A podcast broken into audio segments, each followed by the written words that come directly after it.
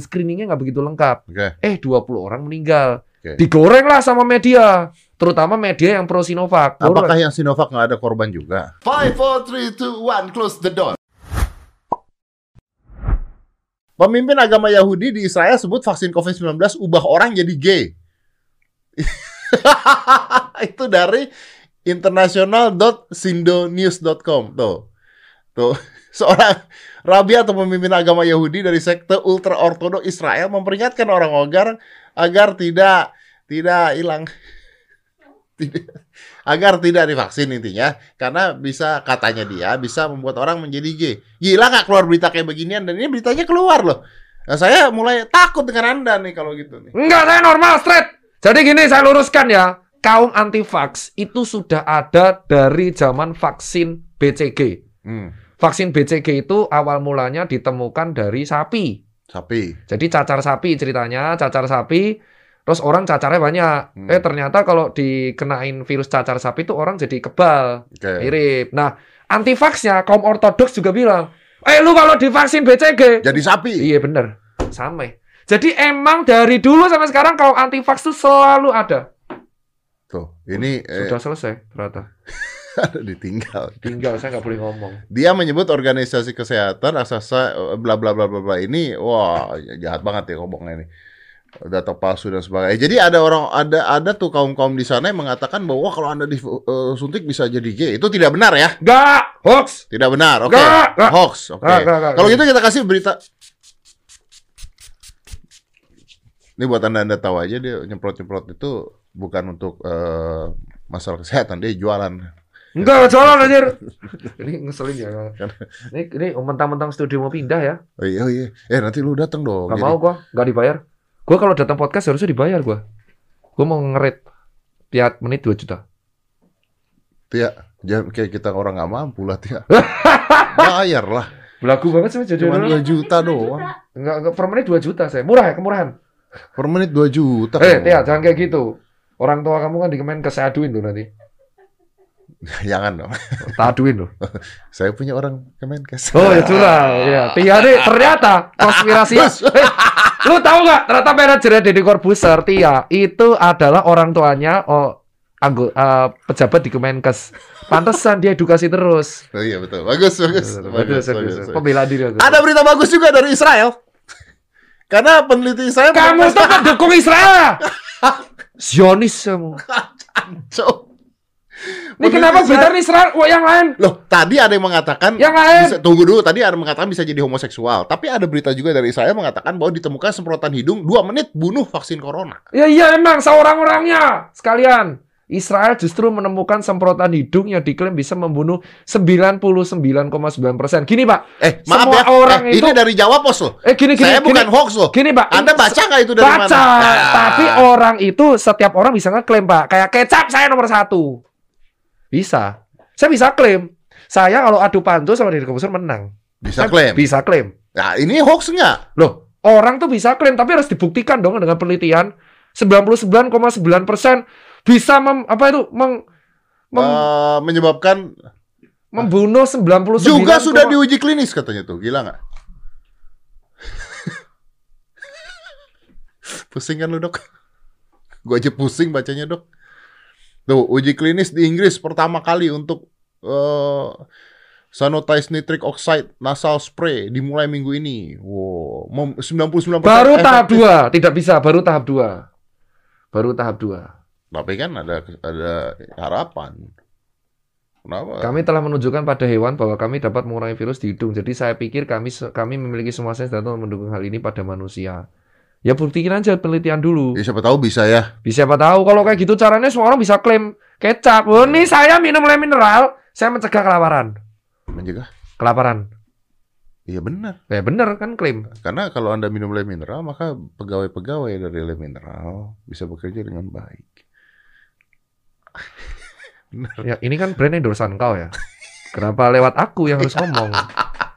Ini kenapa sih hobimu mengumpulkan berita absurd gitu Loh, sih? Anda harus jawab sebagai dokter. Ya kalau kayak gini bisa, semua orang bisa klaim, tapi yang membuktikan tuh jurnal dan penelitian. Oke, jadi ada jurnal dan penelitian ya. Iya Oke. dong. Eh, Apalagi? oke, Tanya apa lagi? Tanya lagi. Vaksin membesar penis gitu. Iya ada beritanya. 3 inci. Saya itu langsung- hoax. Itu hoax. Hoax kalau gitu caranya aduh ya emang Pfizer itu ada obat Viagra emang. Ya. Ta- tapi bukan berarti kalau vaksin Pfizer tuh membesarkan penis tuh itu hoax, Bro. Berita yang terakhir keluar katanya ada barcode-nya. Gini ini. Itu Pak Erick Thohir udah menerangkan, gua tahu. Tapi ada orang-orang mengatakan, "Oh, di di dalamnya." Kata dia Ini, begitu kan. Oke. Gua tunjukin. Oke. Loh, kok ini mirror ya, Mas? Ya nanti kembali sendiri kok. Oh gitu. Mm. Nih, nih. Jadinya kayak gini. Nih. Jadinya kayak gini tuh apa? Ya ini kalau udah vaksin kayak gini, Mas.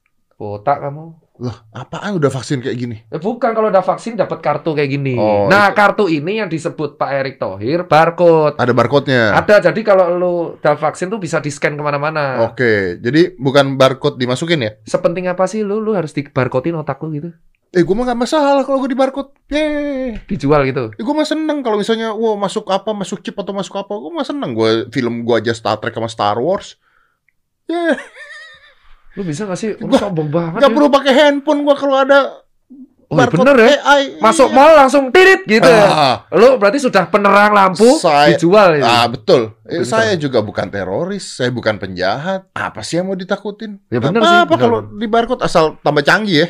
Ya bener sih. Asal tambah canggih. Nanti misalnya mem- mau mempelajari ilmu fisika, masukin lewat wah langsung bisa. Eh, Jadi wait. jadi kalau habis vaksin tuh lu dapat sertifikat. Sertifikat vaksin namanya. Itu ada barcode-nya di mana ntar kalau lu scan lu akan ke data lu udah pernah divaksin, data vaksinnya itu. Jadi bukan divaksin ada ada microchip tuh gak ada itu. Itu absurd. Ya gua nggak ngomong. Oh, gua kira lu yang ngomong. Enggak kan orang-orang banyak yang nanya. Oke. Ada lagi, tanya. Oke. Vaksin gratis apa enggak nih? Gini, Pak Jokowi ngomongnya gratis. Berarti gratis. Ya, tapi tapi ada tapinya. Kalau gratis nggak usah pakai tapi, Bos. Barusan tadi beritanya, wartawan yang ngasih. Ada wartawan ngasih katanya eh, ada Oh, penduduk. batuk, bat. Wah. Batuk. Wah, ini kesel gua di podcast ini. Ini kesel banget. Wah, Dokter Tirta Untung kena otot, COVID. ini untung ototnya gede loh, anjir. Eh, di vaksin belum tentu nggak bisa kena loh. ya emang. Anda di- ngerti nggak Anda? ngerti, Ya ngerti. udah. Kok saya dikasih? Ya bener sih. Kalau kalau habis divaksin tuh tidak. Jadi gini, penelitian tuh tidak ada yang membuktikan vaksin mencegah kita dari penularan COVID. Oke. Itu pentingnya protokol. Kenapa, kenapa gitu? Gue pakai masker anjir. Oh iya, pakai masker. Ya gimana sih lu? Lu yang nggak pakai malah gue curiganya lu ya. Gue Eh, jangan lu ya malah. Terus jarak udah jauh. si COVID si vaksin ini tuh kalau disuntikan ke kita itu efektif untuk mencegah supaya kita terjadi pemberatan kalau kena COVID. Jadi supaya tidak fatal. Tidak fatal. Jadi Oke. semua orang tuh yang gejala berat tuh bisa auto OTG. Oke. Sehingga nanti kemampuan infeksius dari vaksin eh, virus tersebut menjadi Tapi berkurang. bener nggak ada berita-berita di luar tuh yang di Pfizer atau di apa tuh ada yang meninggal? Pasal kan banyak berita di Jadi luar gini, tuh. Pfizer yang Norwegia, Ah. itu ada beritanya. Pfizer Norwegia, kalau Moderna itu alergi di beberapa orang di US, terus Oke. di stop. Jadi gini, eh Pfizer sama Moderna itu basisnya dia menggunakan mRNA, Om. mRNA itu peritilan protein, Hmm. disebutnya protein spike. Oke. Itu metode vaksin baru. Oke. Kalau Sinovac sama Sinopharm, dia virus yang inaktif, alias mati. Ya. Jadi otomatis kalau logikanya mati, dia logikanya lebih safe. Nah, kalau si Moderna sama Pfizer, dilemahkan virusnya. Gak bukan dilemahkan. Bukan. Dia tuh kayak kayak gini deh. Ini lem mineral. Oke. Lu ambil labelnya. Ini berarti orang tahu dong ini labelnya lem mineral. Ya. Nah, labelnya ini dimasukin ibaratnya ke tubuh kita. Jadi ah, imun kita ngerti. Ngerti-ngerti kan dia datang nih. Oh, ini protein apaan nih imun kita? Eh, ini protein asing nih. Serang. Oh, ya serang nih. Nah, protein Jadi ini siap. Oh, protein ini udah mirip sama COVID. Oke, nah, oke, cuman, cuman, cuman, namanya mRNA itu dia efikasinya tinggi. Tetapi dari penelitian pun diakui karena itu baru, protein spike itu baru, belum ada penelitian long termnya gimana. Oke. Nah, apakah cocok di orang lansia? Apakah cocok di orang anak muda? Si Pfizer sih sama jurnal bilangnya di lansia. Nah, di Norwegia, kebijakan Pfizer tuh dikasih ke usia 70 tahun ke atas, Pak. Oke. Dan screeningnya nggak begitu lengkap Oke. eh 20 orang meninggal. Oke. Digoreng lah sama media, terutama media yang pro Sinovac. Kan perang dagang nih mereka. Ya. Media yang pro Sinovac. Apakah yang Sinovac nggak ada korban juga? kan di di Brasil yang bilang presiden. Ah. Terus habis itu digoreng, tapi kan klarifikasi area Norway bahwa ini screening kita nggak lengkap. Bisa jadi emang dia meninggalnya karena lansianya. Oke. Karena terlalu tua. Nah, akhirnya direvisi kebijakan vaksin. Di Singapura sih nggak ada masalah. Rata-rata orang-orang yang divaksin Pfizer di Singapura pada curhat, mereka demam, mereka nyeri sendi sampai 36 jam. Kalau si Sinovac di Indonesia, KIPI yang dilaporkan itu baru 28-an. Dan ringan banget. Kejadian ikutan pas imunisasi. Nah, kalau Moderna, Moderna ini di Amerika Serikat kemarin agak heboh. Jadi keluarkan di Moderna itu Moderna terus Bell's palsy. Jadi orang yang disuntik Ini Moderna wajahnya lumpuh. Ya. Jadi ada reaksi alergi dari protein spike itu. Akhirnya sama pemerintah US Moderna dipending dulu. Karena ada ada beberapa orang disuntik itu wajahnya jadi lumpuh. Bell's palsy. Ya, itu reaksi alergi sistemik namanya. Itu sembuh lagi nggak? Eh, ditanggung sama negara hampir pasti sembuh lagi. Hampir. Cuman kan reaksi alergi sistemik ini bahaya. Harus dicek Re- alerginya tuh karena emang dia alergi atau screening yang nggak bagus. Atau ada unsur-unsur lain? Iya, diselidikilah sama mereka. Nah, makanya pemerintah kita itu Sinovac dulu karena, Karena yang paling aman. Betul, bukan karena Sinovac murah atau enggak. Pfizer sama Moderna tuh di Indonesia lagi negosiasi. Indonesia tuh meminta BPOM-nya meminta Pfizer kalau ada side effect lu dong yang nanggung. Ya, ya, ya. Tanggung jawab perusahaan dong gitu. Oh. Jangan gua doang yang nanggung. Nah, oke, oke. gitu. Gua ngerti. Nah, tapi Nah. intinya sekarang oh, oke tuh. tuh tuh Pfizer sama Pfizer juga Bell's palsy, ada Moderna juga. Moderna Bell's palsy juga ada. Jadi sekarang intinya adalah ini gratis apa enggak? Tadi kan lu mengatakan Gratis. Gratis. Gratis Sinovac. Tapi tapi nih, lanjut cerita. Lanjut ceritanya adalah kalau gratis itu waktunya 15 sampai 24 bulan. Maksudnya? Vaksinasi gratis di Indonesia itu need time 15 sampai 24 bulan. Apanya? Tujuh, untuk semua 70% warga kita tercover Oke, vaksin dua oke. kali dosis itu 15 sampai 24 bulan. Oke. Ya kan? Nah, Berarti dua tahun. ya ada terus tiba-tiba kelempar statement. Hmm. Entah dari Pak Jokowi, entah dari Menkes, intinya media viral. Aku nggak tahu ya, monggo dicek. Karena viralnya baru hari ini. Hari apa ini? Ini hari apa? Kemis. Hari Kemis. Hari Kemis tanggal Enggak kemarin-kemarin juga udah ada Enggak, berita-berita statement, yang statementnya hari ini viral. Kalau kemarin baru spekulasi, tapi Nah. hari ini viral banget. Apa? Statement bahwa dibuka kemungkinan perusahaan untuk membeli vaksin mandiri bagi karyawannya.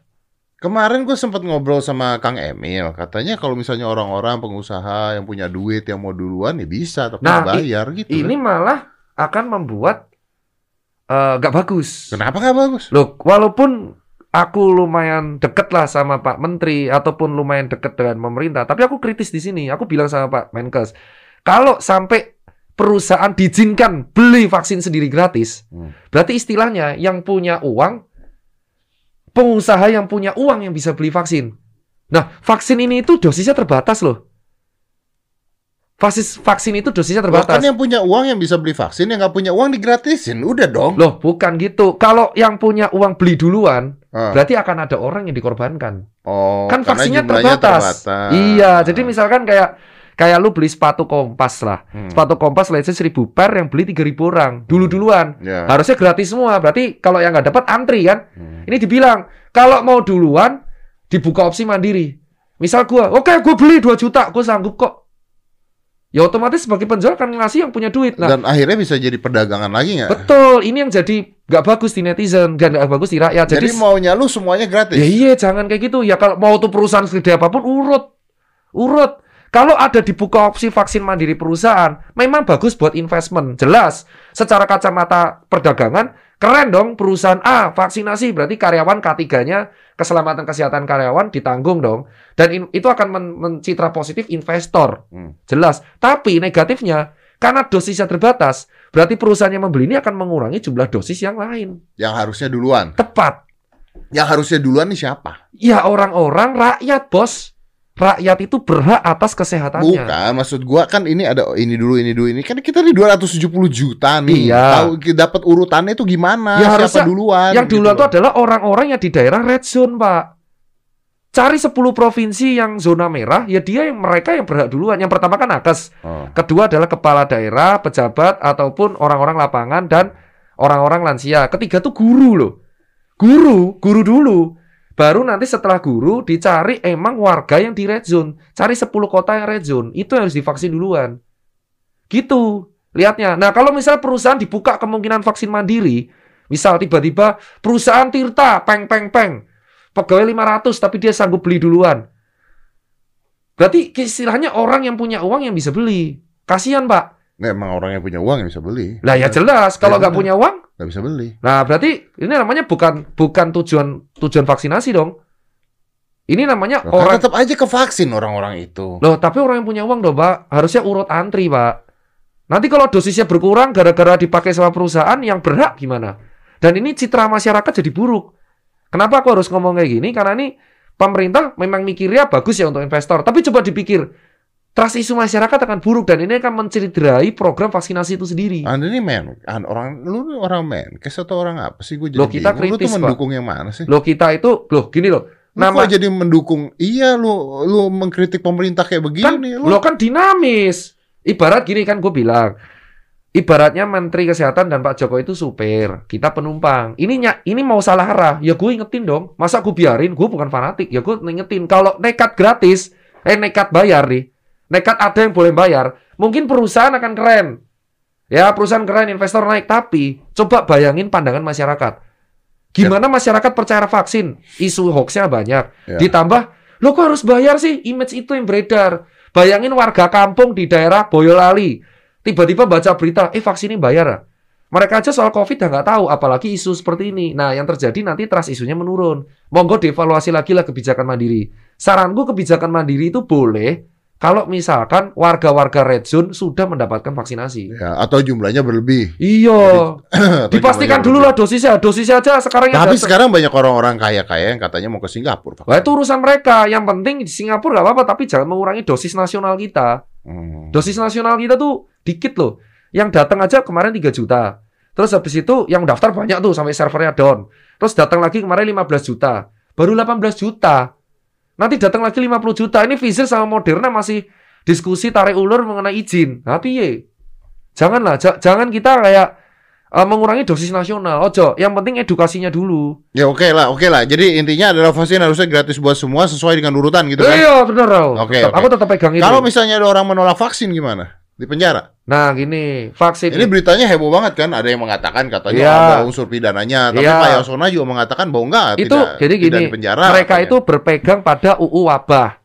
Ah. UU wabah dan PP wabah. UU wabah itu kalau nggak salah nomor 4 atau berapa tahun 84 menerangkan segala seseorang atau segala semua pihak yang dianggap menghalang-halangi penanganan wabah itu kena sanksi atau pidana. Ya. Nah, vaksinasi program penanganan wabah. Heeh. Berdasarkan itu, tapi itu pidana. Kalau nggak salah, aku diskusi dengan kemarin Wakil Menteri Hukum dan Keamanan ya, apa Polhukam lah. Lupa pokoknya di sebuah stasiun TV. Beliau bilang, namanya pidana itu selalu mengutamakan mediasi dan edukasi dulu. Nek wes mentok lagi dilaporke. Dan mereka tuh menyasar bukan yang menolak doang. Menolak dan mengajak orang lain menolak, alias provokator. Hmm. Nah, terus Jadi, gimana? jadi beda antara menolak dan mengajak orang lain menolak tuh Beda, meno- kan kesehatan tuh hak rakyat. Kalau ada orang menolak, PR-nya adalah ditanya dulu, kenapa lu nolak? Hmm. Edukasi dulu, edukasi dulu dong.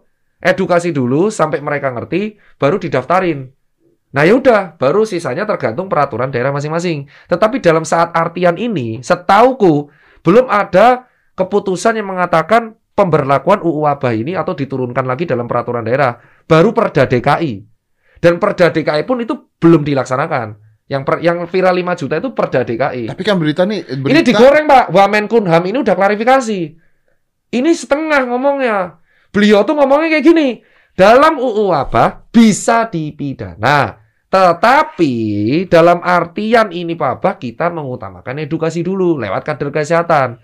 Dan kita evaluasi menolaknya provokatif apa enggak. Ya. Digoreng sama media seolah-olah menolak kena pidana gitu. Beliau udah klarifikasi nih. Jadi belum ada gitu loh. Ya kalau misalnya ada nolak dipidana, Buritka udah kena dong, Pak. Dipidana nggak beliau? Enggak kan? Itu memprovokasi nggak menurut? lu? Memprovokasi. Dipidana nggak sekarang? Enggak, Enggak. Dipindah doang ke Komisi 7.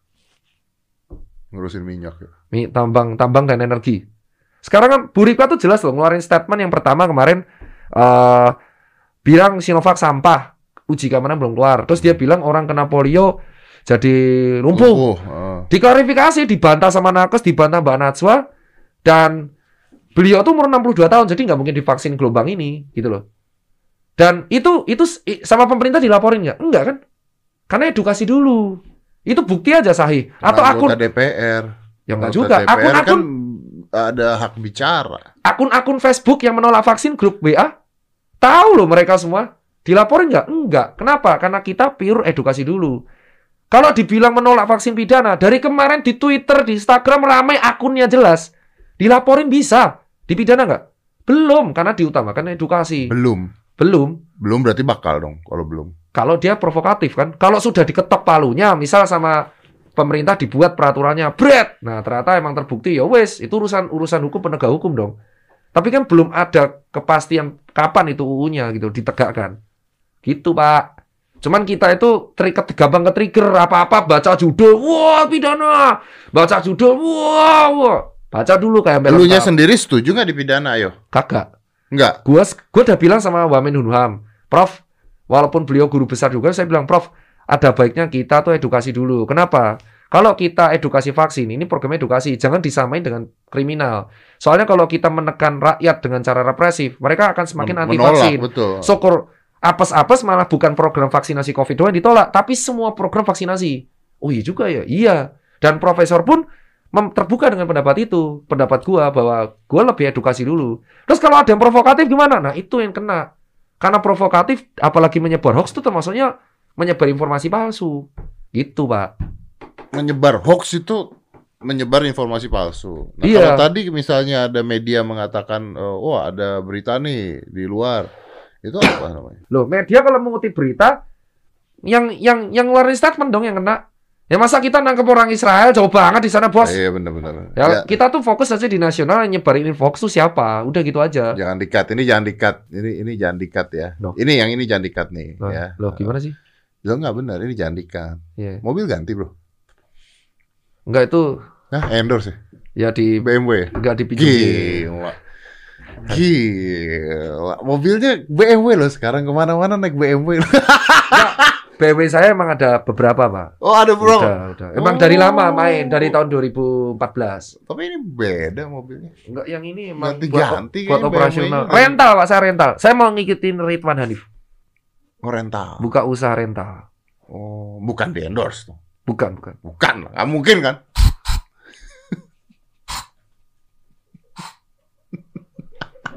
Lu tahu nggak, Bos? Gak suka ya di podcast ini adalah ini pasti di ngopi nih. Lu tuh sama kayak Mbak Yu lu. eh, Mbak Yu lu bilang kemarin di podcast sebelumnya, ini namanya adalah nocebo. Anda memprovokasi sama kayak Anda. Apa? Saya memprovokasi apa BMW? Eh, Anda memprovokasi BMW. Anda memprovokasi seolah-olah saya mau memanfaatkan COVID untuk uang. Loh, tidak ada salahnya. Nocebo Anda. Orang jual masker apa nggak menggunakan COVID untuk uang? Saya nggak jual masker. Tapi BMW tersebut Nggak dari masker. nggak dari masker. Di semua nocebo di kurang ajar. Eh, Dua miliar harga mobilnya. Eh, tolong eh, BMW eh, tolong dikirimin dong ini satu Iya dong. mobil untuk Om Deddy Corbuzier biar gak kalah sama Indra Kens kan dia beli mobil saat ngantuk ya Iya. subuh Wah, Tesla Tesla langsung. Tesla lu harusnya gak mau kalah saat nge-gym mau mandi gue pengen BMW. berak bukan gue pengen berak gue pengen beli mobil gitu lu beli berita Enggak lah, gue pengennya kenal dokter Tirta dapat BMW gitu dong. Ini semua kalah gue kalah gue di Katanya Tia udah di cancel, di cancel. Ngasal, ini, ini keren nih, keren nih. Keren nih, ini ngeselin ini malah nih. Lu tuh mobil udah banyak gila.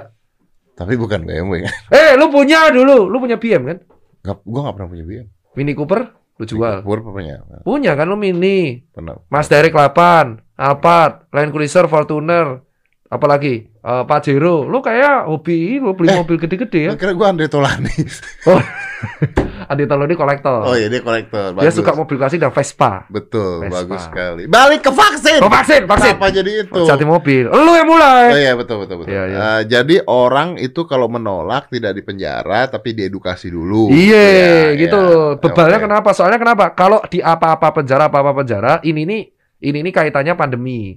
Eh, Kalau misalkan eh, dia hanya menolak, itu hak dia gitu loh. Kita edukasikan dulu lah. Ngopo we nolak? Toh yakin lah. Kalau misalnya edukasinya bagus dan gratis, dia nggak akan tolak. Nah ini jadi masalah. Kalau isu vaksin mandiri tersebar, yang nolak semakin banyak, Pak.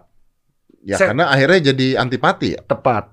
Itu kan teori psikologi. Oh, Iya betul betul. Jadi harusnya- antipati. Menurut menurutku mungkin sebelum pejabat kita membuat statement tuh harusnya konsultasi dengan PR-PR yang keren gitu loh. Jadi biar nggak maksudnya dengan anda gitu kan. Enggak, saya bukan PR. Oh, bukan saya PR. dokter. Harusnya dengan Anda lah.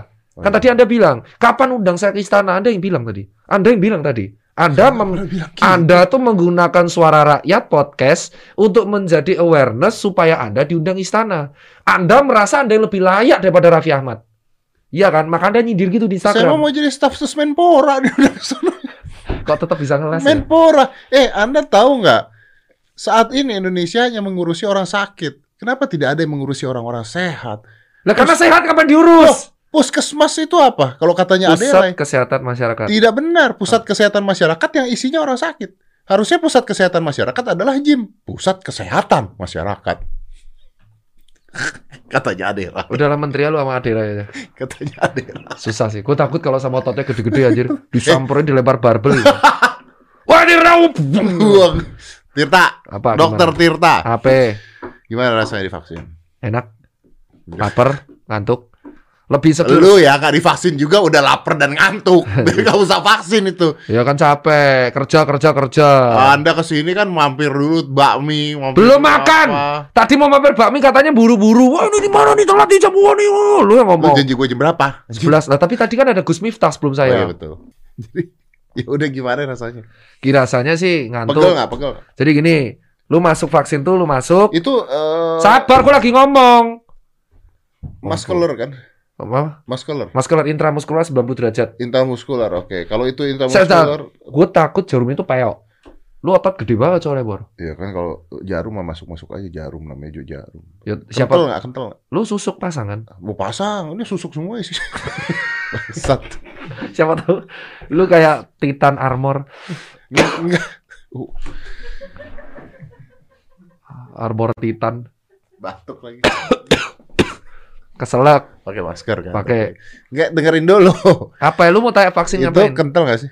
Ya nggak tahu lah, Pak. Gua kan nggak lihat kentalnya. Gua cuma foto ininya. Lalu lu disuntik ya lu? ya disuntik gua nggak lihat. Gua lihat sini masa Ya gua masa lu nggak lihat apa itu? cair, cair. Lu kena kental gel, pomade.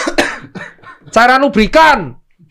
Maksud gua kalau Lu mas. kalau kental kan pegel kayak disuntik vitamin C atau Enggak, enggak, apa kan enggak kental, enggak kental, enggak kental. Ya cair anci, Pegel nggak? encar, encar. Pegel. Pegel ya, pegelnya Pegel. tuh 6 jam. Setelah itu ya beres kayak apa biasa-biasa aja. Oke. Jadi datang lu akan diserahin NIK. Nomor induk dicek benar apa enggaknya, kedaftar apa enggak. Terus habis itu lu suruh lihat screening 16 poin yang di mana kalau lu cen, lu iya tuh pasti lu nggak bisa ke vaksin. Usia 18 59, hipertensi, penyakit autoimun atau sedang kena sedang kena Covid, sedang menderita penyakit akut pernapasan atas, Nggak boleh tuh. Al- terus alergi itu nggak boleh. Usia tua juga nggak boleh, menyusui atau hamil juga nggak boleh. Main aman banget, intinya pemerintah kita main aman banget, safety. Terus setelah itu tanda tangan inform konsen mengenai tindak inform persetujuan medis, disuntik, suruh tunggu 30 menit evaluasi. Setelah itu pulang, dua minggu lagi datang. Eh bentar bentar. Kok lu suntik sih? Gimana sih? Kok lu suntik vaksin sih? Kenapa? Lu kan ada masalah dengan paru-paru. Kan kronis. Saat itu akut, akut yang tidak dilarang. Yang dilarang tuh akut. Sedang mengalami. Berarti lu udah sembuh. Loh gue TBC itu sembuh dari usia 8 tahun. Oh. Soalnya lu cerita sama gue lu pernah TBC. TBC umur 8 tahun, bronkitisnya di bulan Maret, sembuh Nah, bulan April. bronkitisnya gimana lu? sembuh bulan April kan? Lu menggoreng ini lu nocebo, Pak Yu kamu. Pak Ada Mak Yu dan Pak Yu. Tapi aman ya? Aman aman dan Pegel, ngantuk. pegel ngantuk lapar dah itu doang. Dan tapi ada beberapa orang 28 yang 28 orang muncul demam tapi demamnya ringan cuma satu hari. Oke, kalau demam I get it. Kalau lapar hubungannya gimana sih? Gak ngerti gua. Jadi kalau tak kata-kata menurutku ya itu kan mungkin suges ya. Iya. Mungkin karena antibody, antibodinya lagi ngelawan, antibody butuh energi. Oh, Energi oke. kan butuh glukosa, Iya, maka otak bilang lu lapar makan Lapar. glukosa yang banyak Ah, gitu. Oke, masukkan glukosa dan lu ngantuk kan? Nah kalau Ya, glukosa kan pengen ngantuk, bener kan? Ya, ya. Oh, oke, oke, oke, oke. Berarti aman ya? Aman. Jadi sekarang kita, lu harus mendidik masyarakat bahwa vaksin ini aman dong. Lah emang aman, emang emang aman pak. Kalau nggak aman nggak mungkin. Justru gini, orang tuh nganggap kalau divaksin tuh auto kebal. Oke. Lu suruh gue komen ini, Enggak, enggak usah, enggak usah. nggak apa-apa sih. Enggak, enggak mau, enggak mau. Gua mau bahas yang lain. Gua mau bahas yang lain. Vaksin boleh milih nggak? Enggak kan gratis bro. Nah, kalau nanti ada tiga macam. Itu tiga-tiganya itu digunakan untuk umur berbeda. Oh gitu. Iya, Pfizer untuk yang lebih tua. Contoh Moderna untuk apa, Sinovac untuk apa. Itu urusannya BPOM sama peneliti kita, guru-guru besar kita.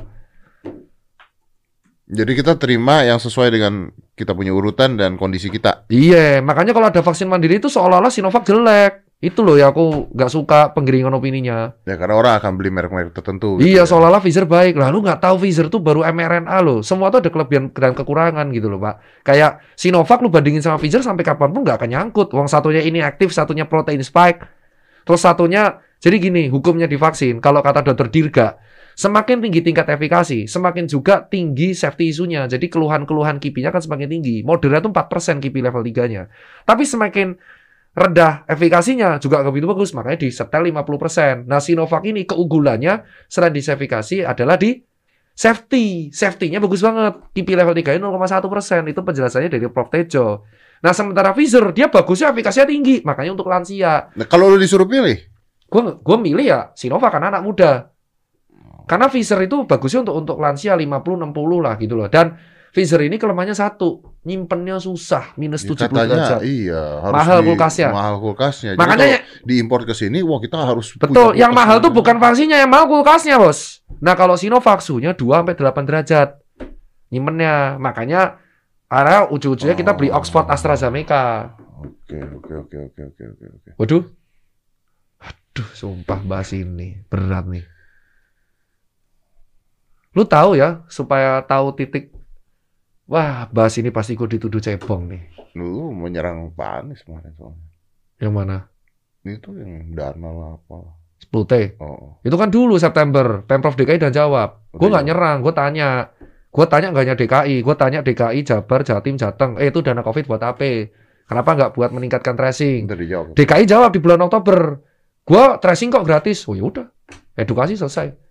Terus digoreng lagi sekarang seolah-olah gue Itu keluar lagi beritanya? Ya kagak ngerti pak, itu ya biasalah namanya.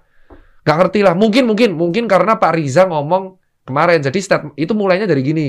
Kenapa video gua adu buzzer jadinya? Jadi si Pak Riza tuh ngomong eh, Vaskes Jakarta tuh penuh karena jadi eh, pasien penyangga, daerah penyangga. Jadi pasien-pasien dirujuk ke sini semua. Dia minta tanggung jawab pusat. Jadi seolah-olah lempar-lemparan. Wah, buzzernya pusat ya ono pastilah buzzer-buzzer politik debat. Gunain videoku. Ya aku bilang itu video lama kok satu jam. Iya, iya, betul, betul. Ya intinya intinya gini sih Pak, PPKM itu kebanyakan istilah.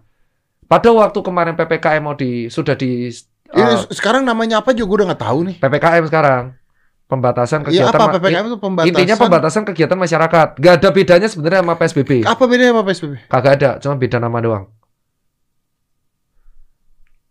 Gue udah ngeritik itu ke KSP, staf presiden. Bu, bikin istilah tuh yang bener. Nah, kesalahannya ini, Pak. PPKM ini kenapa nggak efektif?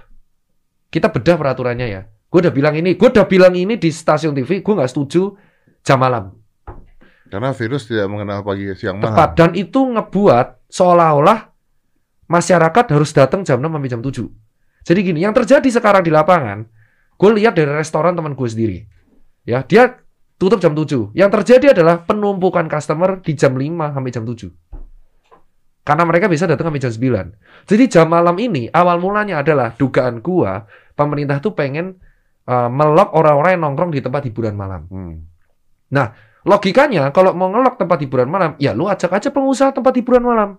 Lu ajak dialog, forum sama dinas pariwisata. Lama. Ya enggak dong, tinggal Zoom. Hari ini hari digital, Bos. Kalau presidennya minta ketemu juga gampang lah pasti, gak mungkin enggak. Wong tempat hiburan malam juga pasti pengen duit juga kan, yang aman. Nah, dibuat jam malam, yang kena itu restoran Pak yang nggak tahu apa-apa. Restoran tuh patuh loh Pak, sebagian. Iya. Terus warteg. Sekarang teman-teman gue yang jaga malam, satpam, hansip, gua, dokter, cari makan tuh susah Pak. Iya benar. benar. Karena masuk ke jam 7. Nah, ini yang jadi masalah. Corona tuh tidak mengenal pagi, siang, malam. Harusnya yang disasar bukan restoran, tapi tiga tempat. Satu, tempat publik. Pasar. Pasar tuh kemarin gue discuss. tahu lo video lu taruh foto kan pasar yang udah berjarak. Iya, gue tuh udah discuss loh sama ketua IKP. Dan teman-teman di pasar. Pasar tuh bilang, gue aja minta wastafel aja kadang nggak dikasih. Harusnya edukasi tuh pasar dulu. Karena itu kebutuhan pokok. Banyak orang makan dari situ. Pasar dulu diedukasi. Yang kedua, terminal, bandara, stasiun. Yang ketiga, adalah perkampungan. Pakai kader posyandu. Simpel, Pak. Itu baru PPKM yang bener. Tapi gini loh, eh, dok, mungkin nggak sih kalau jumlah orang yang terkena COVID itu naik ya? Ini bisa juga karena akhirnya saat ini pengetesannya jadi lebih mudah. Bisa dong. Bisa, Pak. Cuman yang dikhawatirkan pemerintah itu bukan positif yang nggak bergejala. Jadi gini, kalau angka positif rate itu naik, tapi bornya stabil, berarti orang kena tapi gejala ringan. Isoman kabeh toh. Hmm. Karena kalau ringan di rumah. Hmm. Nah, ini masalahnya bednya penuh. Berarti yang positif itu gejalanya berat. Oh. Bukan hanya sekedar dites positif. Gitu cara caranya menghitung COVID itu adalah pemerintah kita selalu pakai angka kesembuhan. Salah Pak, rangaruh angka kesembuhan. Simpelnya gini, ini buat kawan-kawan netizen. Kalau angka positifnya naik, tapi bednya longgar, berarti yang kena OTG semua. Ya. Santai kita, OTG, isoman berarti. Berarti santai loh. Tapi yang terjadi di Indonesia, positifnya naik, angka kematiannya naik, ya kan? Tapi bednya penuh. Berarti ini yang naik gejala sedang berat, bos. Oke. Berarti pandemi ini sebenarnya bukan melihat angka kematian, Bukan. Bukan melihat angka, Eh, bukan, bukan melihat angka kesembuhan. bukan melihat angka kesembuhan. Yang dilihat cuma angka kematian sama Iya, positivitas. tapi kan sekarang begini, bukan melihat angka kesembuhan, bukan juga eh, pandemi ini bukan melihat angka kematian, bukan melihat angka keterjangkitan, tapi sekarang yang lebih penting lagi adalah melihat Bed occupation rate. bed occupation rate-nya Di, juga. bukan, tetap harus tiga. Ang, tetap yang nggak boleh dia itu angka kesembuhan. Hmm. Angka kesembuhan sama total aktif kasus oke, tapi yang paling bagus tuh tetap angka positivity rate, bed occupation ratio, angka kematian sama angka kasus aktif saat itu. Yang salah tuh kenapa kita Apakah angka kematiannya naik? ya tetap akan naik tuh pak naik tapi ya mortality rate semono-mono aja gitu loh mortality rate sama total death rate itu beda yang mortality rate kan di angka 2,8 sampai 3 persen nah tetapi yang bahaya tuh positivity rate kita tinggi tapi bednya penuh nah logikanya adalah kalau bed penuh berarti itu gejala berat padahal gejala berat itu cuma 20 persen Hmm. berarti kalau 20 persen aja membuat penuh vaskes 80 Berarti yang kena berapa banyak? Nah, itu yang baru ke data. Yang ke tracing biasa 1 banding 30. Nah, yang ke tracing di Indonesia itu 1, banding 7 sama 1 banding 20. Hmm. Berarti logikanya ada berapa persen tuh yang nggak ke data kalau kena COVID? Eh, Oke oke oke. Kalau orang-orang eh, pernah kena COVID kan katanya eh, Nggak perlu divaksin. nggak perlu divaksin, Nah, sebenarnya setiap orang tuh wajib divaksin. walaupun udah kena COVID. Iya, tapi Karena karena... jumlahnya dikit. Eh, pinter lu. Lu udah baca ya? Wajar dong. Karena jumlahnya riset. dikit, maka dianggap secara jurnal ada dibuktikan ilmiah orang-orang yang udah kena COVID dan terbukti bergejala, dia dianggap memiliki kekebalan. Lah kalau gua OTG gua ngerti gimana? Nggak apa-apa, nggak ada efeknya. Bagus, masih bisa berguna. Ada caranya nggak tahu kalau kita kena apa nggak? Ya tes. Lah. kalau nggak tes ya nggak apa-apa. Lo bro bisa aja kan misalnya bulan Januari gue udah kena, gue juga nggak tahu kan bisa aja. Ya makanya kalau yang nggak yang nggak tahu dia kena, vaksin itu juga berguna. Itu bergunanya di Oh. Brazil yang hasilnya turun jadi 50,8 itu digunakan untuk melindungi orang yang OTG. Ternyata masih efektif juga. Kan dulu Brazil ngeluarin 78%. Itu untuk orang sehat. Ternyata berguna 78%. Dibredak lagi kalau orang yang OTG kena vaksin gimana? Berguna juga. Bagus dong. Jadi buat semuanya sebenarnya bisa. Iya, cuman Jumlahnya. Iya, karena jumlah kita tuh nggak akan bisa cover semuanya. Maka diutamakan yang sehat. Yang pernah kena ya wis. Makanya kalau kamu pernah COVID dan survive, harusnya kamu bersyukur, Pak. Kamu tuh malah bisa menyelamatkan sekelilingmu lewat terapi plasma konvalesen. Walaupun secara penelitian belum secara, dibuktikan secara efektif, Pak. Keluhan namanya SKS nih. Itu caranya. Jadi Eh, buat warga kemarin- nih gini. Kemarin lu cancel Pak Mardigo ngomongin plasma. Loh, bukan cancel. Kalau terapi bagus, Pak. Jangan dibandingin sama vaksin. Terapi, terapi, vaksin, vaksin. Pak Mardigu tuh bagus kalau ngomong soal bisnis. Tapi kalau soal COVID, dikaitin kue ya. Halo Pak Mardigu. Pak Mardigu tuh bagus kalau ngomong soal bisnis, kayak konspirasi terorisme. It's good. Ya, Good. ya, ya. Good story. Tapi ketika dia dikait-kaitin cocok logi, aku sing mumet, Pak. Se, se, se. Iki yo yo bener bener bro tapi yo yo Berarti Anda harusnya ngobrol sama Pak Mardigo. belum pernah Mau ngobrol dong. belum pernah Saya kan bisa maklarin. ada duitnya Anda mau ketemu Pak Mardigu bayar saya. Anda kan kayak gitu. Iya. Ah, ah, gitu. Oh, jadi gitu ya. jadi kalau buat kawan-kawan masyarakat intinya itu adalah di covid kan gimana di covid kan yang emang datang tuh gejala berat. Ge bed penuh itu it means gejala berat semua sama sedang. 20% gejala berat aja membuat fasilitas kita penuh. Berarti yang ringan baik banget tuh. Nah yang ringan tuh yang kecek. Yang nggak kecek Eh, banyak Nah, banget. makanya jangan dianggap enteng. Sampean itu kalau nggak bergejala nggak apa-apa. Tapi ada 20% ki- dari teman-teman kita tuh yang harus masuk ICU. Itu maksudku, Pak. Ya. Oke oke oke. Ngerti ngerti ngerti ngerti. Apalagi nih? Ada pertanyaan terakhir aja ya. Ya, Gua kesian sama lu kan Anda ditunggu menteri penting. Tuh kan. Oh, ini. Ini, ini habis ini pasti dicek nih Tirta Bazir Istana lihat nih pasti nih pasti ada di seseorang yang nulis di tweet nih. Main aman cari aman dua kaki dinamis menca mencre cebong kadrun cebong bersayap. Kampret bersayap gue dijuluki kampret bersayap. Kampret emang bersayap. Ah, Oh, lu mah. goblok ya. Cebong bersayap. Goblok. Kampret emang bersayap. Kampret air lu. oh ya kampret air. Iya. apa yang mau tanya apa Kenapa kemarin fotonya tuh Meli Guslo sih? Serius deh. Kan banyak yang lain. bos hanya satu orang gini gini gini buat teh Meli ya Fotonya banyak yang lain. Saya juga begitu kadang-kadang. Eh. Tapi eh lu akuin yang pakai eye shield siapa itu eye shield apa face shield hasil sih. Coba coba enggak enggak. Gue pengen dia ngomong. Ayo coba nyalinya gede nggak? Coba coba. Tuh tunjukin fotonya Kak Tia. Lu lu cek lu bandingin. Saya dari awal nggak pernah pakai face shield. Saya tahu kok Loh. nggak ada gunanya. Ya lu kan diceramain Om Tompi. Sebelum itu saya nggak pernah pakai face shield. Oh, enggak, lu takut sama Om Tompi kan? Bu, saya nggak pernah pakai face shield sebelum itu. Lah karena apa face itu gue buat masak. Iya, Gua gue kan udah cipratan ceri- minyak. Gue tuh udah cerita di podcast ini dari bulan Juli Makanya ya. saya tidak pakai face shield. Eh, tuh, itu kan face shield tuh. tuh. Bukan yang ini yang gue semprot. Tapi kan fotonya yang ini kan lu pakai. Enggak, yang shield, Pak. Yang Yang, ya, mata. Kalau ini terserah yang gue foto yang mata itu doang. tuh, tuh, tuh, tuh, tuh. Yang mata, yang mata. Yang mata mana? Itu, Nah, itu tuh. yang mata. Nah, yang itu tuh. ini. Nah. Karena di sini gini loh, Pak. Nggak apa-apa dong, lagi nyanyi kok. Kan Anda bilang lagi nyanyi. Lagi nyanyi nggak apa-apa, lagi nyanyi ya buka buka masker. Bener dia. Kenapa Anda? Anda itu itu usul nyanyi? siapa yang nyanyi di lepot? Anda Eh. tidak lihat dia lagi nyanyi. Pak, usul siapa? Usul siapa yang nyanyi harus dicopot? Usul saya. Usul lu. Oh iya. Ya berarti bener kalau nyanyi dicopot. Nah, gua kan ih, dia tuh pakai eye shield ya. Dia merasa nih eye shield, terus sampingnya face shield gitu loh. Jadi gini, gue terangin ya, gue terangin Iya. nih. Gue bersuara itu karena ada empat artis yang kena. Boy, Maya Iya, Ahmad, tahu gue. Gilang sama Irfan. Heeh. Satgas bilang sama gue dong. Itu yang ketawa. Ya, itu yang ketahuan. Ya benar, itu yang ketahuan. Gue nggak bisa bilang yang lain, nggak boleh.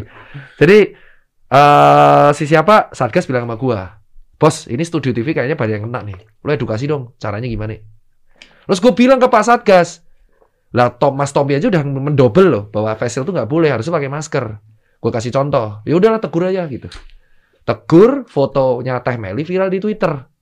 Viral Teh Meli tuh toko fotonya. Yang viralin akun-akun, akun-akun meme shit posting loh. Bukan meme Anda. Bukan. ya kan di CC-CC mungkin Teh Meli nggak main Twitter.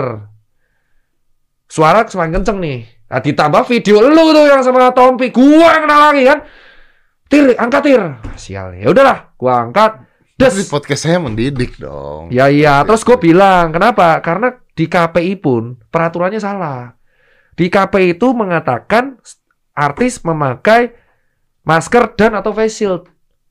Berlindungnya ada peraturan. Ya, ya, ya, ya. Nah, gue bilang tuh sama KPI, kalau lu kayak gini, lu nggak bisa dibenerin juga. Yang bener adalah pakai masker ketika live perform. Kecuali nyanyi ya, presenter yang berdua atau reality show atau juri itu pakai masker. Karena di Korea seperti itu. Nah, tuh kalau nyanyi gimana? Kalau nyanyi boleh dicopot. Berarti dia bener. Ya, dari dasar gua. Yang salah adalah ketika dia menganggap itu shield. Gitu. Emang dia nganggap itu shield. Apa itu? Apa? Ada yang ngebor. Tapi bukan Inul. Anjir. Jadi itu yang gue bilang adalah itu dianggapnya shield. Gue edukasi. Nah, Teh Meli tersinggungnya kenapa foto gue karena eye shield. Nah, setelah itu yang bagus adalah gini. Akhirnya besoknya beliau pakai masker kayak gini terus pakai face shield yang gede banget. Ya udah itu good. Tapi sebenarnya ada gunanya nggak face shield? Kan waktu itu dikatakan eh waktu itu dikatakan bahwa virusnya bisa lewat mata juga. Ada beritanya oh pakai kacamata bisa mengurangi virus, katanya begitu. Gini loh Pak, face shield itu berguna kalau pakai masker. Kalau nggak pakai masker sama aja lu bohong. Dari mana? Sudah diterangkan di jurnal dari bulan Juli. Dokter Adam Prabata pun bilang, dicek tuh di jurnal ada videonya. Kalau lu batuk pun tuh ngaruh nggak ngaruh. Lalu tuh face shield apa yang bagus? Face shield yang Mika. Face shield yang Mika. Yang kayak visor, helm, full face. Itu Lu bagus. pikir masa artis pakai yang kayak kayak pelindung las? Kan kasihan liatnya, makanya gue bilang, masker aja cukup. Kayak Korea, tapi ketika misal lu, lu news anchor, misal kayak Ah. Mbak Rosi, misal ngomong sendirian, nggak ada orang. izin copot ya, itu nggak apa-apa sendirian. Boleh nggak gua misalnya talk show sama orang nih, Heeh. lagi talk show, Ah. gua izin copot ya, tapi jauh. Dua meter Boleh nggak? kan berdua doang, nggak apa-apa. Ya kan, Yang penting pakai dulu di awal. ya kan Nah, berdua doang tapi ada kru ada apa ada apa kan? Lah kan krunya jauh, bro. Masa krunya di, wuh, di depan semua? Krunya, Berarti yang penting krunya Oke pakai. oke oke, krunya pakai ya. Iya, Berarti jadi- gue misalnya talk show nih ya, Ah, ah. talk show ya, gue duduk di Ah, sini ya, Iya, lu jauh di sana ya. iya, Oke, gue izin copot ya. iya. Boleh ya? Boleh kan berdua Di TV ya? di TV. Boleh ya? Boleh, yang penting pakai dulu. Gue udah bilang itu ke kota KPI. Ada contohnya di Korea, Kalau misalnya perform musik. enggak, nih depan dua nih, Ah, dia pakai masker. ah, Gue di sini, ah. ada host di sini.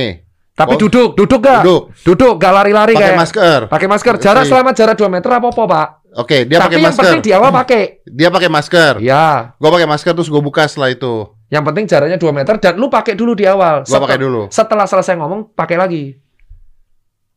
Oke, oke, ngerti, ngerti. Paham toh? Jadi dia Karena jarak demi- 2 meter, Iya. si kaos gua jarak 2 meter. Iya, karena ada aturan di Kemenparekraf selama lu live perform dan lu bisa memastikan jaga jarak dan di panggung tidak lebih dari Pakai masker pun juga harus 2 meter kan? Iya, tetap. Tetep kan? Tetep. Oke. Makanya news anchor masih boleh karena sendirian. Lah terus kalau reality show, kan reality show nggak bisa jaga jarak. Iya. Nah itu pakai. Kalau band gimana? Ya kan jaga jarak. Main satu drum di sana atau sini ya tetap dia di stay di situ terus dia pakai. Tapi kru event yang harus tetap pakai terus. Makanya yang patut gini-gini. KPI kan itu Komisi Penyiaran Indonesia. Dia nggak bisa nyangsi tapi menganjurkan. Makanya undang-undangnya kalau bisa yang rapi, bagus. Hmm. Jadi contoh diizin wajib memakai masker. Ka- ke- keadaan di bawah ini diizinkan untuk melepas satu ketika news anchor sendirian memakai dulu lalu dilepas dengan memberitahu ke pe- pemirsa. Kedua, ketika pertunjukan musik sesuai peraturan CAC Kemenparekraf. Hmm. Ketiga, ketika talk show maksimal tiga orang dengan jarak 2 meter tapi wajib memakai dulu sebelum dan sesudah acara. Hmm, harusnya Wajib gitu. swab antigen rutin untuk para artis. Nah, Ya, kan kayak gitu. gitu. Ada aturan lengkap, jangan cuma satu Nah, kalau sekarang misalnya nih gue berempat nih, lu di sana nih. Pakai aja. Tadi lu bilang apa-apa gimana? pakai dulu terus copot ya udah selamat bisa jaga. Iya, Tapi iya, di awal iya. pakai. Di awal pakai terus gue copot. Iya, Ya, gitu. ya, Tak- ya. Makanya kalau juri misal Teh Meli terus ada siapa tuh? Juri-jurinya tuh selain Teh Meli siapa lagi Ya tuh? copot boleh kalau jauh-jauh mah kenapa? Lah kan sebelah jurinya itu satu meja, Bapak. Kalau enggak nanti kameranya jadi sulit itu.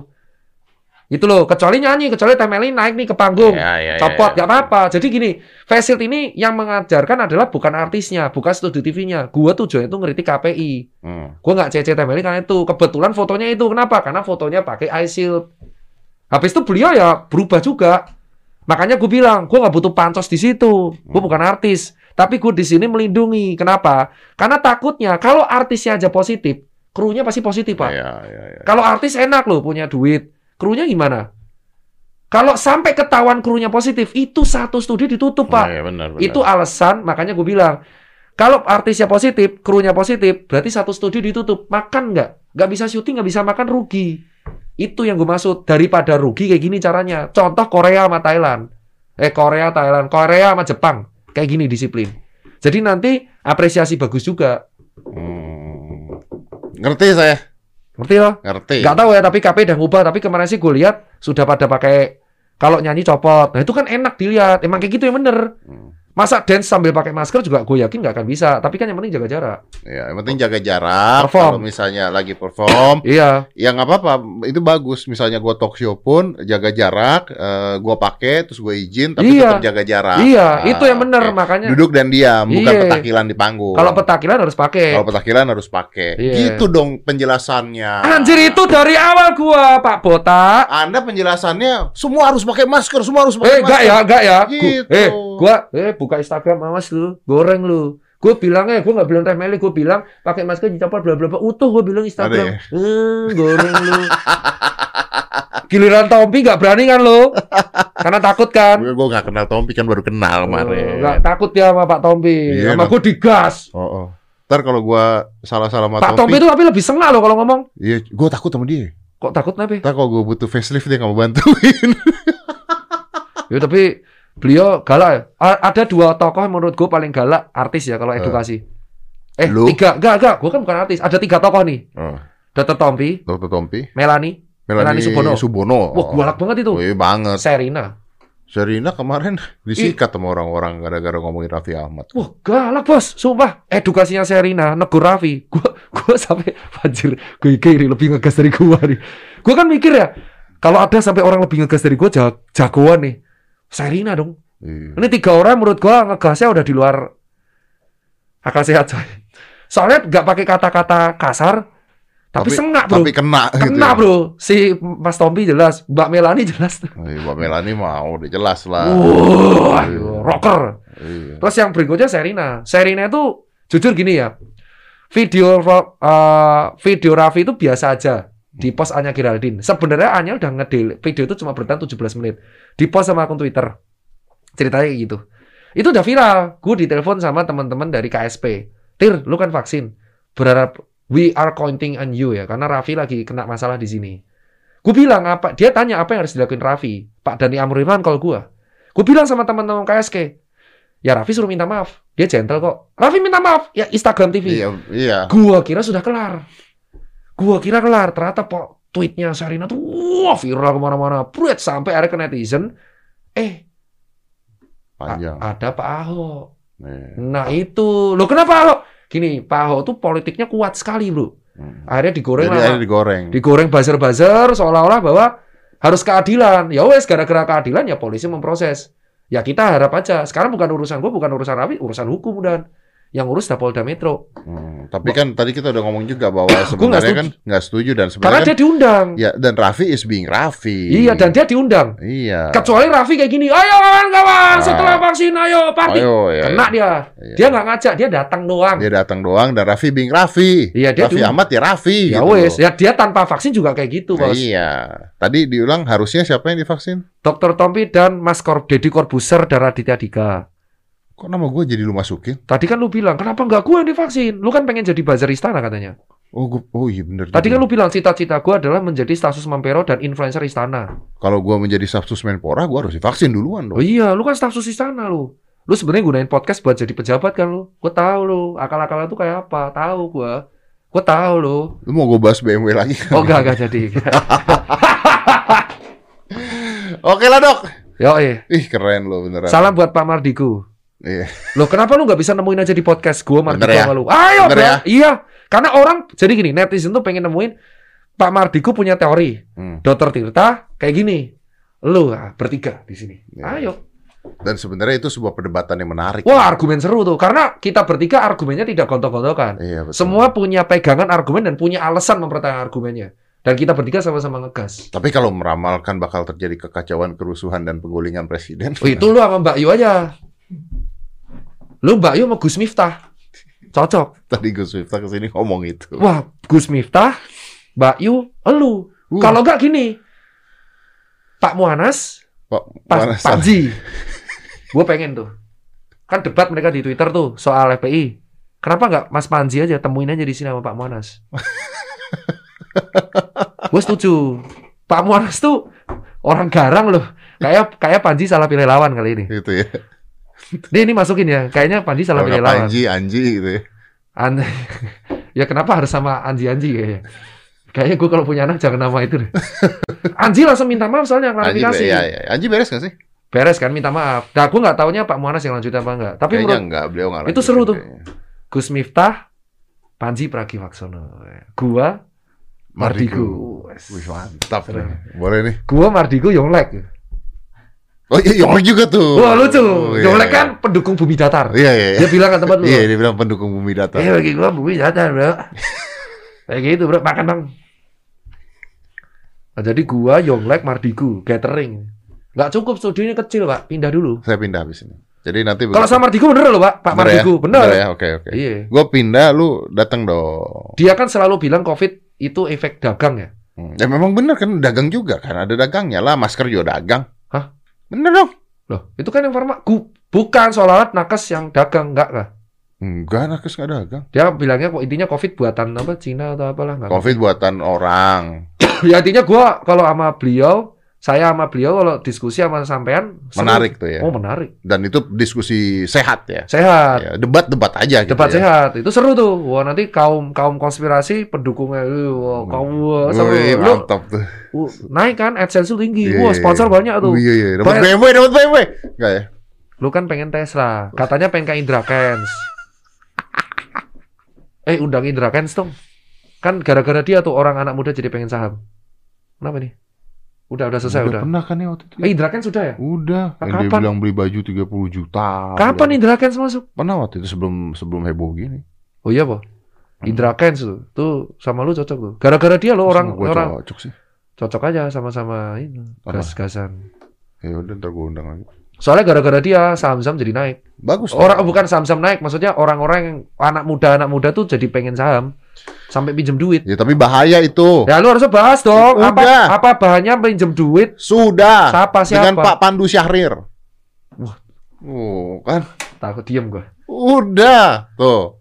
Gue kaya mereka enggak. Oh, Oh. iya dua bulan lalu bagus bagus. Iya, udah, dengan udah. Pak Pandu Syahrir. Pak Pandu Syahrir mengatakan banyak sekali anak-anak muda sekarang yang pinjam online duit buat main saham.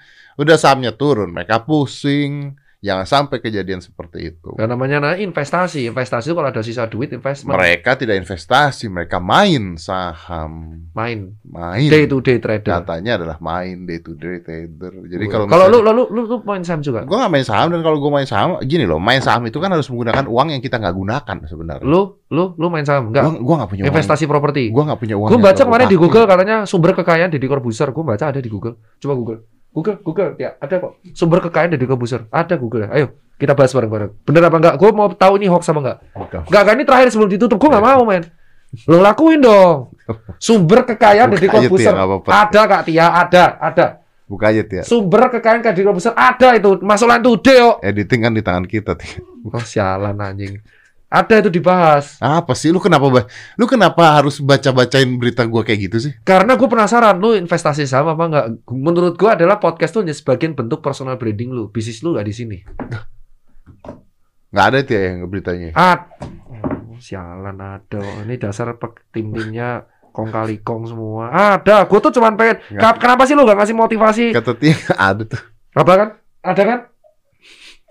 Kata Tia nggak ada tuh. Ada sumber kekayaan. Dia Dedi. usaha Tia percuma. Oh ada. Tuh. Ini sub, ini merdeka.com. Ini lima sumber penghasilan Deddy Corbuzier. Jadi artis hingga bisnis properti. Gue baca ya. Gue baca nih. Halaman selanjutnya. Pengusaha tak banyak yang tahu Deddy Corbuzier merupakan seorang pelaku usaha di bidang properti. Bisnis yang digeluti itu adalah jual beli rumah. Bahkan terkadang Deddy membuat rumah untuk kemudian ia jual kembali. Developer ternyata. Cancuk developer, developer mah gede, Pak. Oh. Nah, lagi nih, sumber kekayaan kedua, toko ponsel. Selain itu, Dedi juga memiliki toko ponsel. Oh, saingannya Putra Siregar loh. Selain ponsel, tokonya juga menjual kamera dan berbagai keperluan dibutuhkan untuk kamera. Oh, ada lagi, ada lagi. Jadi pesulap termahal. Wah, Itu kan semua orang tahu. oh, udah, udah usah lah. Dedi off air pernah mendapat bayaran 200 juta. Bener itu? Bener lah. Bener loh. Om beli alat aja 150 juta. Oh ya udah bener. Presenter talk show, ya jelas tahu nih. Iya Ya tahu. jelas tahu nih. Udah biar orang juga tahu. Iya tahu. Yang terakhir, yang terakhir. Apa? Tempat gym. Tempat gym ya. Benar, benar, benar. Kesian Pak tempat gym Pak. Katanya lu butuh 8 miliar untuk membangun tempat Sepi gym. Pak. Lu enggak bener enggak kata media lu membutuhkan 8 miliar untuk tempat gym. Bener dong. Itu benar berarti kan sumber kekayaan Deddy Corbuzier. Ya enggak itu sumber kerugian Pak. Karena pandemi Pak. Kok lu sok sombong belagu gitu? Orang rugi pandemi rugi buka gym gimana sih kok? Tutup lah. Lu enggak ada minat buka rumah makan Padang gitu. Ya buka rumah makan Padang aja ya. Ya rumah Udahlah makan. saya berhenti menyehatkan orang-orang di Indonesia. Iya, kenapa lu enggak buat rumah makan? Saya akan cilok, buka- cilok, Saya cilok, akan buka cilok pentol. ke Ivan Gunawan coy. Lo Ivan Gunawan buat cilok. Buat cilok. Saingan dong. Eh Ivan Gunawan kemarin telepon gua. Dia suka sama lu. Eh, Dia bilang katanya nih tipe-tipe gue banget serius. Agak-agak suka marah gitu serius. enggak Ivan Gunawan kemarin telepon gua. Eh. Tanya. Oh gue tahu vaksin ya. Dia dia tuh Gua pernah. Covid gak sih? Dia- Gua tahu. Dia tuh pernah Covid gak sih? Gak tahu kan.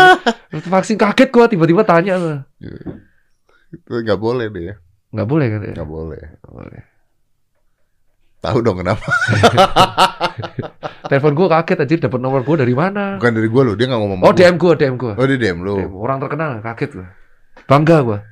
Nyokap gue ngefans dia soalnya. Dia nanya gue juga. Nanya apa? awalnya. Nanya itu. Oh. Nanya pertanyaan yang sama. Terus Vaksin. menurut gue kan kalau begini nggak boleh Nggak- begini. Ah, gitu ah, kan. iya. Udah gitu tiba-tiba ketemu, gue udah nelfon dokter Tita.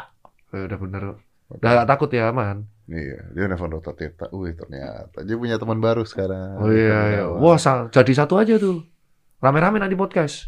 Mardigu, Ivan. Fardi Evan Gunawan, Dr. Tirta, Yonglek, Wah, cok. eh, Anjay, Lutfi. Kita bikin live ya. Oh, bikin live. Oh, Wah, saya kena. ITE, Pak.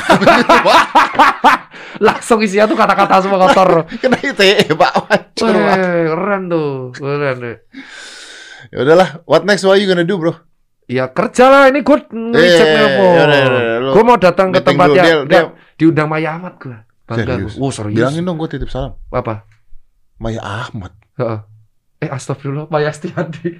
Ah, Dikat aja. Maya Ahmad. Maya Estianti maaf. Bunda Maya. Bunda Maya. Ah, Bunda Maya. Maya Ahmad. Ya tolong tuh, tolong dikat ya. Kalau Kan tidak boleh ada yang dikat di sini kan. Anjing! Maafkan saya Bunda Maya. Udah udah Bunda Maya sama LA katanya. Oh, salam dong serius ya. Salam buat apa? Ya salam Kok lu aja. salam-salam sama bini orang? Emang salam nggak boleh sama bini orang? Ya boleh sih, boleh. Gua kemarin baru ketemu dulnya. Ngapain? Ada acara. Buat konten. Ada acara. Acara apa? TV TV talk show sama Oh. Dul. Jadi gue salam sama Pakai masker lo. Loh, pakai. Oh ya udah. Tapi kan boleh katanya dibuka habis itu. Ngeselin ya Kan supaya. ada yang ngomong. Ini ngeselin ya. Udahlah citot lah. ya wes, eh Tolong tadi dikat ya. biarin jadi cut itu bagus. Thank you ya, dok ya.